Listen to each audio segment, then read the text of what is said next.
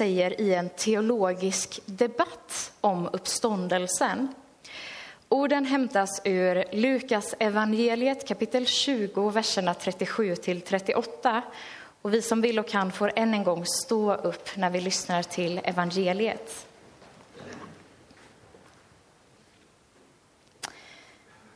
Jesus sa att de döda uppstår har också Mose visat istället om törnbusken där han kallar Herren för Abrahams Gud och Isaks Gud och Jakobs Gud. Gud är inte en Gud för döda, utan för levande, ty för honom är alla levande. Och vi ber. Gud, öppna våra hjärtan för det som du har att säga till var och en av oss här inne idag och hjälp oss att lyssna genom din ande. I Jesu namn. Amen. Och varsågoda och sitt.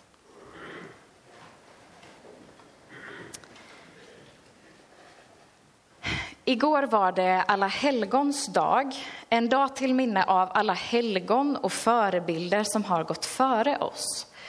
Och idag är det alla själars dag, då vi minns alla som gått före, oavsett om de var helgon eller inte.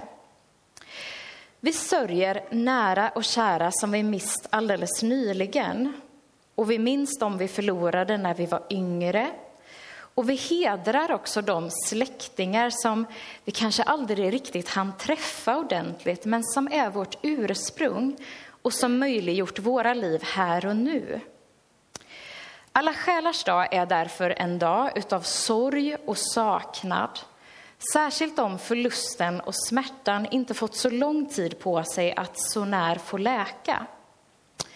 Sorgen finns där, inte bara över tomrummet som uppstår när en person inte längre finns där, utan också över det som aldrig hann bli riktigt uppklarat, utrett eller sagt.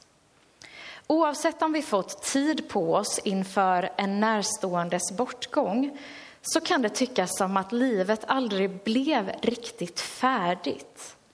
Det finns alltid mer att säga, mer att göra, drömmar och resor som inte blev av, bucket lists och att göra-listor som inte checkades av. Sorgen över det som inte blev ryms sida vid sida med det som faktiskt blev, men som inte kan ske igen. Alla själars dag är därför också en dag av tacksamhet över det som blev. Över goda minnen som har delats, lärdomar som har förts vidare, kärlek som har upplevts och som får bo kvar i ett rum i våra hjärtan, även när en älskad person inte längre finns ibland oss. Idag är en dag då smärta och glädje får rymmas sida vid sida synligt och konkret utan att vi behöver definiera vad som är vad. Utan läget får vara som det är i nuet. Alla själars dag är dock inte bara en dag i nuet. Och det är inte heller en dag att minnas allt som bara har varit. Utan det är också en dag då vi börjar tänka på framtiden och vår egen död. Det brukar sägas att det enda vi vet om livet är att vi en dag ska dö. Men eftersom vi inte vet när det blir, hur det kommer kännas eller vad som händer sen, så lever många i dagens samhälle i en slags förnekelse av döden. Vi skjuter den framför oss och ignorerar dödens faktum. Döden ses rent av som en störning eller som ett misslyckande som någonting som inte får hända. Och många strävar efter att förlänga sitt liv så länge som möjligt genom att leva hälsosamt. Vi är utrustade med en självbevarelsedrift som hjälper oss att överleva. Men ofta behöver vi se döden i vitögat och hantera vår rädsla kring detta. De senaste åren har det blivit särskilt aktuellt i samband med pandemin och med krigen som pågår i Europa och i det heliga landet. De här hoten om en plötslig och för tidig död gör att vi behöver hantera både våra tankar om vad som händer efter döden och också om vad vi prioriterar i detta liv. Har vi realistiska och goda livsmål? Lever vi kärleksfullt här och nu? Och vad kommer folk att säga om mig den dagen då jag inte finns mer? På medeltiden så användes ett latinskt uttryck om detta som löd memento mori, minns döden. Och det var en vänlig påminnelse om att vi alla en dag kommer att dö. Och genom den här medvetenheten om livets ändlighet så uppmanades vi att under vår livstid leva väl. Memento mori, minns döden. Det kan också motivera oss till andra goda saker, till att leva utgivande och i fredliga och kärleksfulla relationer med andra, för att våra korta liv inte gör det värt att bråka i onödan. Och memento mori kan också motivera oss att söka det eviga och bestående, källan för allt liv och svaren på frågorna, nämligen Gud. Det här är just vad som händer i dagens evangelietext. Jesus har nyss ridit in i Jerusalem och rensat templet och sedan blir han utfrågad av fariseer, skriftlärda, överstepräster, folket och nu av saddukeerna. Saddukeerna hade endast Torah, alltså de fem Moseböckerna, som auktoritet för sin tro. Och i Moseböckerna står det ingenting uttalat om livet efter döden, så därför trodde inte de på någon uppståndelse. Så de ställer en fråga till Jesus om hur våra relationer kommer se ut i himlen om det nu finns en sådan. Och de gör det genom ett absurt och påhittat exempel om svågeräktenskap där en kvinna nu i jordelivet har varit gift med sju olika bröder, varav ingen har gett henne några barn. Så vem är hon då gift med vid uppståndelsen? Ytterst sett så frågar de egentligen Jesus om Toras, om skriftens och Mose auktoritet. Alltså hur kan Jesus påstå att det finns en uppståndelse när det inte står någonting om det i skriften? På frågan om vem kvinnan är gift med i himlen så svarar Jesus i verserna precis före dagens text så här. Den här världens människor gifter sig och blir bortgifta. Men de som befinns värdiga att komma till den andra världen och uppstå från de döda, de gifter sig inte och blir inte bortgifta. De kan ju inte mera dö. De är som änglar och de är Guds söner eftersom de har fått uppstå. Jesus menar att i himlen så väntar en annan tillvaro än den vi är vana vid här på jorden. Där uppdraget inte längre är att föröka oss och uppfylla den här jorden, alltså inte skaffa barn och förlänga släktledet. Utan i det eviga livet så är vi som änglar och Guds söner. Alltså vi uppstår till nya kroppar och nya liv som passar den himmelska dimensionen med uppdraget att tillbe, tjäna och ära Gud. Och mer om detta strax. På frågan om skriftens auktoritet så svarar Jesus med berättelsen om när Gud visar sig för Mose i den brinnande busken. För då säger Gud att Gud är Abrahams och Isaks och Jakobs Gud, inte att Gud var deras Gud. Om Gud fortfarande är deras Gud så kan de här patriarkerna inte längre vara döda, utan de måste ha uppstått till ett nytt liv redan nu, åtminstone till någon slags tillvaro med livspotens i väntan på den slutgiltiga uppståndelsen. Jesus menar alltså att i Moseböckerna finns det en antydan om uppståndelse från de döda. Och I vår tid kan det här svaret tyckas lite långsökt och krångligt. För på den här sidan av den första påsken så har vi mer utförliga svar på frågan om uppståndelsen. Men likväl så är detta ett hoppfullt svar som Jesus ger oss även i vår tid. I skapelseberättelsen i Första Mosebok så blåser Gud liv in i människans näsborrar så att hon blir en levande varelse. Alltså Gud är skapare och upphovsmakare till allt liv på jorden. Gud är livets källa. Men Gud är också evig. Här på jorden lever vi inom ramar för tid och rum. I vår tankevärld så finns det en skapelsens och tideräkningens början där tiden sedan är linjär och fortgår fram till den yttersta dagen. Men vår Gud ryms inte inom ramarna för tid och rum. Gud står över detta som en cirkel utan början och slut som omsluter och övergår vår värld. I paradiset levde vi i Guds eviga tillvaro och Guds övergripande dimension. Men när synden trädde in i världen så kunde inte vi vara kvar i Guds dimension utan livet begränsades av tid och rum och av döden.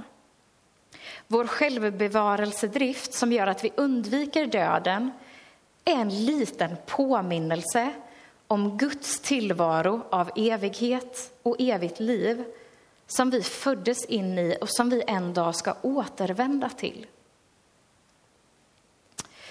När Gud presenterar sig för Mose i den brinnande busken i Andra Mosebok så använder Gud dels självbeskrivningen, jag är din faders Gud, Abrahams, Isaks och Jakobs Gud. Men Gud presenterar sig också med sitt namn, jag är, eller jag är den jag är. Gud är. Gud har alltid varit och Gud kommer alltid att vara. Gud är evig, alltid, överallt och hela tiden. Gud är bortom tid och rum. Gud är den som är och som var och som kommer. Gud är då och nu och sen. När vi säger att vi tror att Gud alltid är närvarande och med mig så betyder inte det bara här och nu i tid och rum, utan också bortom tiden och rummet. Från det att vi skapades i moderlivet, under hela livstiden och sedan ända in i evigheten. Hoppet i detta gäller både för oss som fortfarande lever och även för dem som har gått före oss. Här på jorden kan vi känna en enorm saknad efter dem som har lämnat oss. Men vi kan också vara vissa om att de fortsatt är hos Gud. Gemenskapen med Gud kan inte brytas ens vid döden. Och det är därför som vi vid en begravning överlämnar den avlidna i Guds händer. För den avlidna är bortom vår dimension men är fortsatt i Guds gemenskap och dimension. Jesu ord i dagens text bekräftar detta när han säger att Gud är inte en Gud för döda utan för levande. Ty för Gud är alla levande. Vår Gud är källan till livet här på jorden och källan till det eviga livet i himlen då vi välkomnas tillbaka till Guds dimension. För Gud finns ingen död, utan för Gud är allting levande. Vi är framme vid den sista punkten av predikan. På den här sidan påsken så har dödsredskapet korset blivit en symbol för Jesus seger över synd och död. Och nu förstår vi vad Jesus menade när han uppväckte Lazarus från de döda och sa de här orden vi hörde innan. Jag är uppståndelsen och livet. Den som tror på mig ska leva om han än dör och den som lever och tror på mig ska aldrig någonsin dö. Vi ser nu inte längre döden som en endimensionell mur där vi inte har någon aning om vad som väntar oss på andra sidan. För Jesus har kommit till världen igen ifrån den andra sidan muren så att vi förstår att det finns en tvådimensionell version utav den. Någonting som väntar oss på andra sidan. Jesus har också visat Guds rike och Guds dimension av evighet som gör att den här muren är tredimensionell. Döden blir därmed förminskad till ett litet, litet streck i tillvaron. En port till himmelriket som motsvarar ett kommatecken i evigheten. Så ser Gud på döden och så kan vi också betrakta den. Memento mori, minns döden, blir därmed ett uttryck som inte bara handlar om att minnas vår egen död och leva det här livet på bästa sätt, utan också om Jesu död. Att Guds son har dött och besegrat den endimensionella versionen av muren för vår frälsnings skull och att vi därför har ett evigt liv hos Gud att vänta i Guds famn, hos livets källa som redan nu pågår och anas men som sedan efter uppståndelsen väntar i fullkomlighet. Så därför avslutar jag med att citera två verser av Paulus ifrån Romarbrevet. Om vi lever, lever vi för Herren. Och om vi dör, dör vi för Herren. Vare sig vi lever eller dör tillhör vi alltså Herren.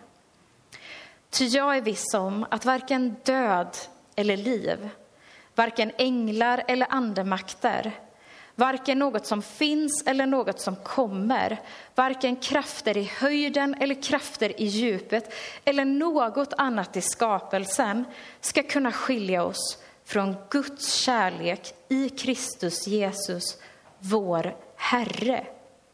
Amen. Och vi får tillsammans sjunga psalm 256.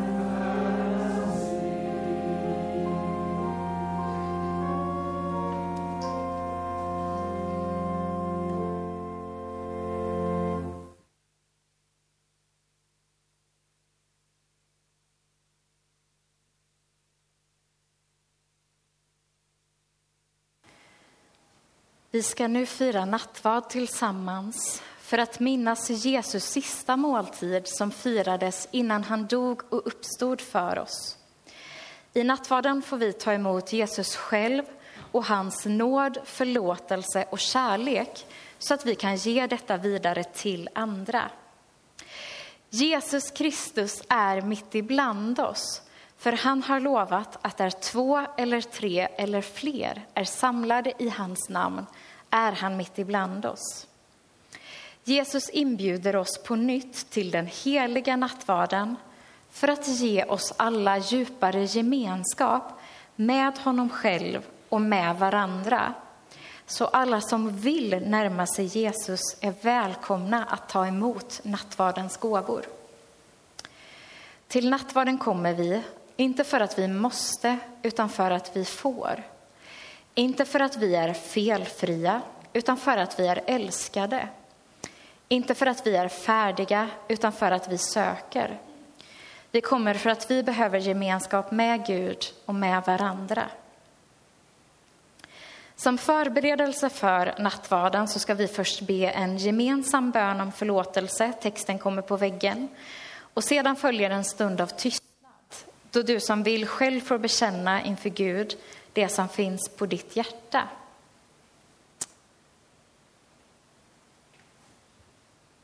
Så vi ber. Gud, med dig kan vi dela allt och vi bekänner vår delaktighet i världens splittring. Jag berättar nu om det som gör ont och det som jag ångrar. Jag har sårat andra och andra har sårat mig. Jag delar också det som gör mig rädd. Lyssna till mina tysta tankar och böner.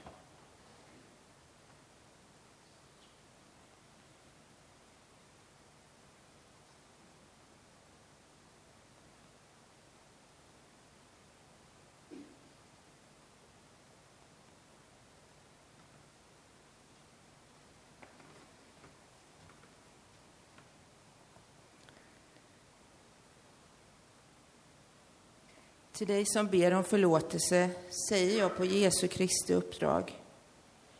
När du har gjort fel, Jesus Kristus förlåter dig. När du har blivit sårad, Jesus Kristus gör dig hel. När du är rädd, du är inte ensam. I Faderns och Sonen och den helige Andes namn. Amen. Vi tackar Gud, tack för att du ger oss förlåtelse och tröst, läkedom och hopp, befrielse och nåd, kärlek och frid. Bevara oss i Jesu namn. Amen. Den natten då Herren Jesus blev förrådd tog han ett bröd, tackade Gud, bröt det, gav åt lärjungarna och sa Detta är min kropp som offras för er. Gör detta till minne av mig. Likaså tog han bägaren efter måltiden och sa Denna bägare är det nya förbundet genom mitt blod. Var gång ni dricker av den, gör det till minne av mig. Stort är trons mysterium. Kristus, din död förkunnar din uppståndelse bekänner vi till dess du kommer åter i härlighet. Vi ber. Gud, tack för att du möter oss i denna måltid, för att du har skapat oss och för att du ger oss det vi behöver i väntan på måltiden i ditt rike. Jesus, tack för att du älskar oss genom hela livet, förlåter oss genom din död och genom din uppståndelse öppnar vägen till evigt liv. Helig Ande, kom både över oss och över nattvardens bröd och vin. Hjälp oss att fördjupa vår gemenskap, glädje och omsorg och ge vidare till andra av det som vi har fått ta emot av dig. Vi ber också den bön som Jesus lärde sina lärjungar att be. Vår Fader, du som är i himlen. Låt ditt namn bli helgat. Låt ditt rike komma. Låt din vilja ske på jorden så som i himlen. Ge oss idag det bröd vi behöver och förlåt oss våra skulder liksom vi har förlåtit dem som står i skuld till oss. Och utsätt oss inte för prövning utan rädda oss från det onda. Ditt är riket, din är makten och äran i evighet. Amen. Och vi som vill och kan är nu välkomna att stå upp.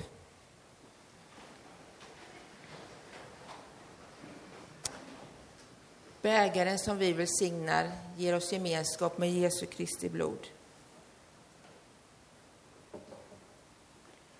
Och brödet som vi bryter ger oss gemenskap med Jesu Kristi kropp. Så är vi, fastän många, ett enda bröd, ett enda, en enda kropp, för alla får vi del av ett och samma bröd.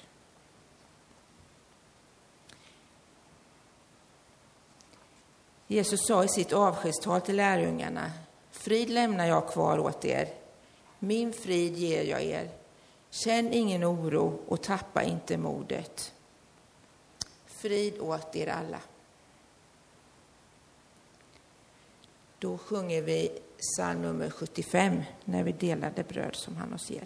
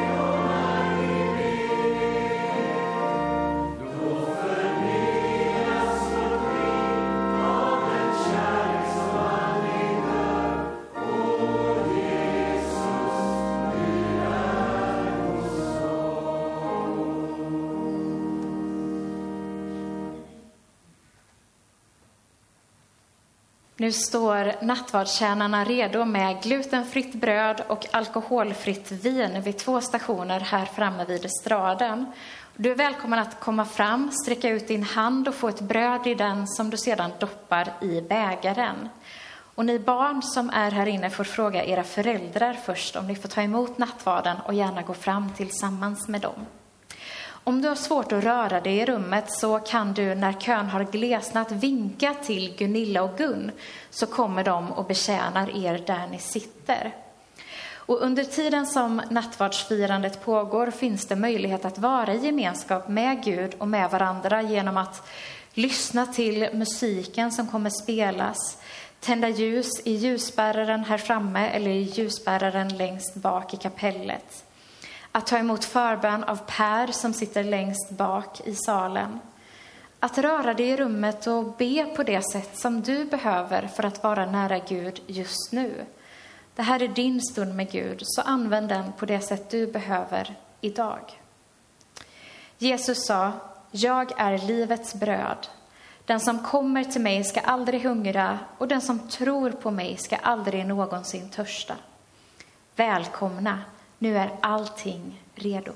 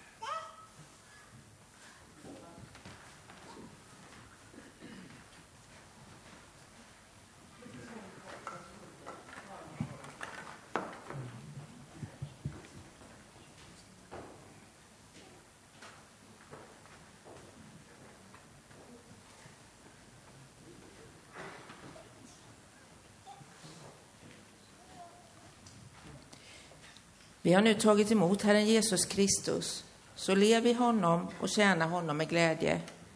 Han ska bevara oss till evigt liv. Ge som gåva vad du har fått som gåva. Och vi ber. Herre, tack för att vi får ta emot dig. Tack för att vi får bli fyllda av dig. Och du ser all förbön som nu vi, vi ber för, som vi vill lyfta inför dig. Du ser alla ljus som brinner.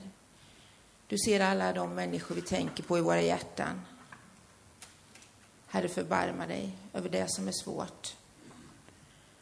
Vi ber för vår värld, för krig och katastrofer. Vi ber för alla som lider, alla som är sjuka och trötta och ensamma. Herre, skicka oss att gå de vägar du vill att vi ska gå för att föra budskapet vidare om dig. Tack för att du ser oss alla. Amen.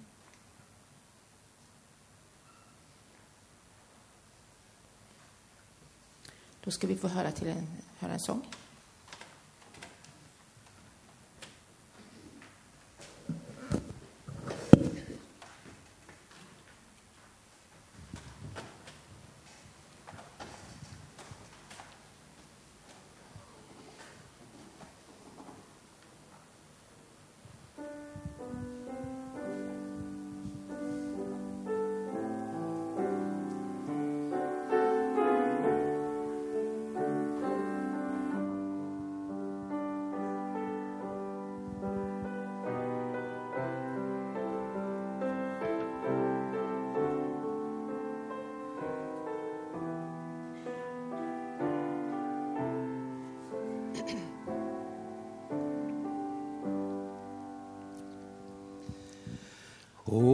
Jesus, öppna du mitt öga att jag må se hur rik jag är. Jag har en fader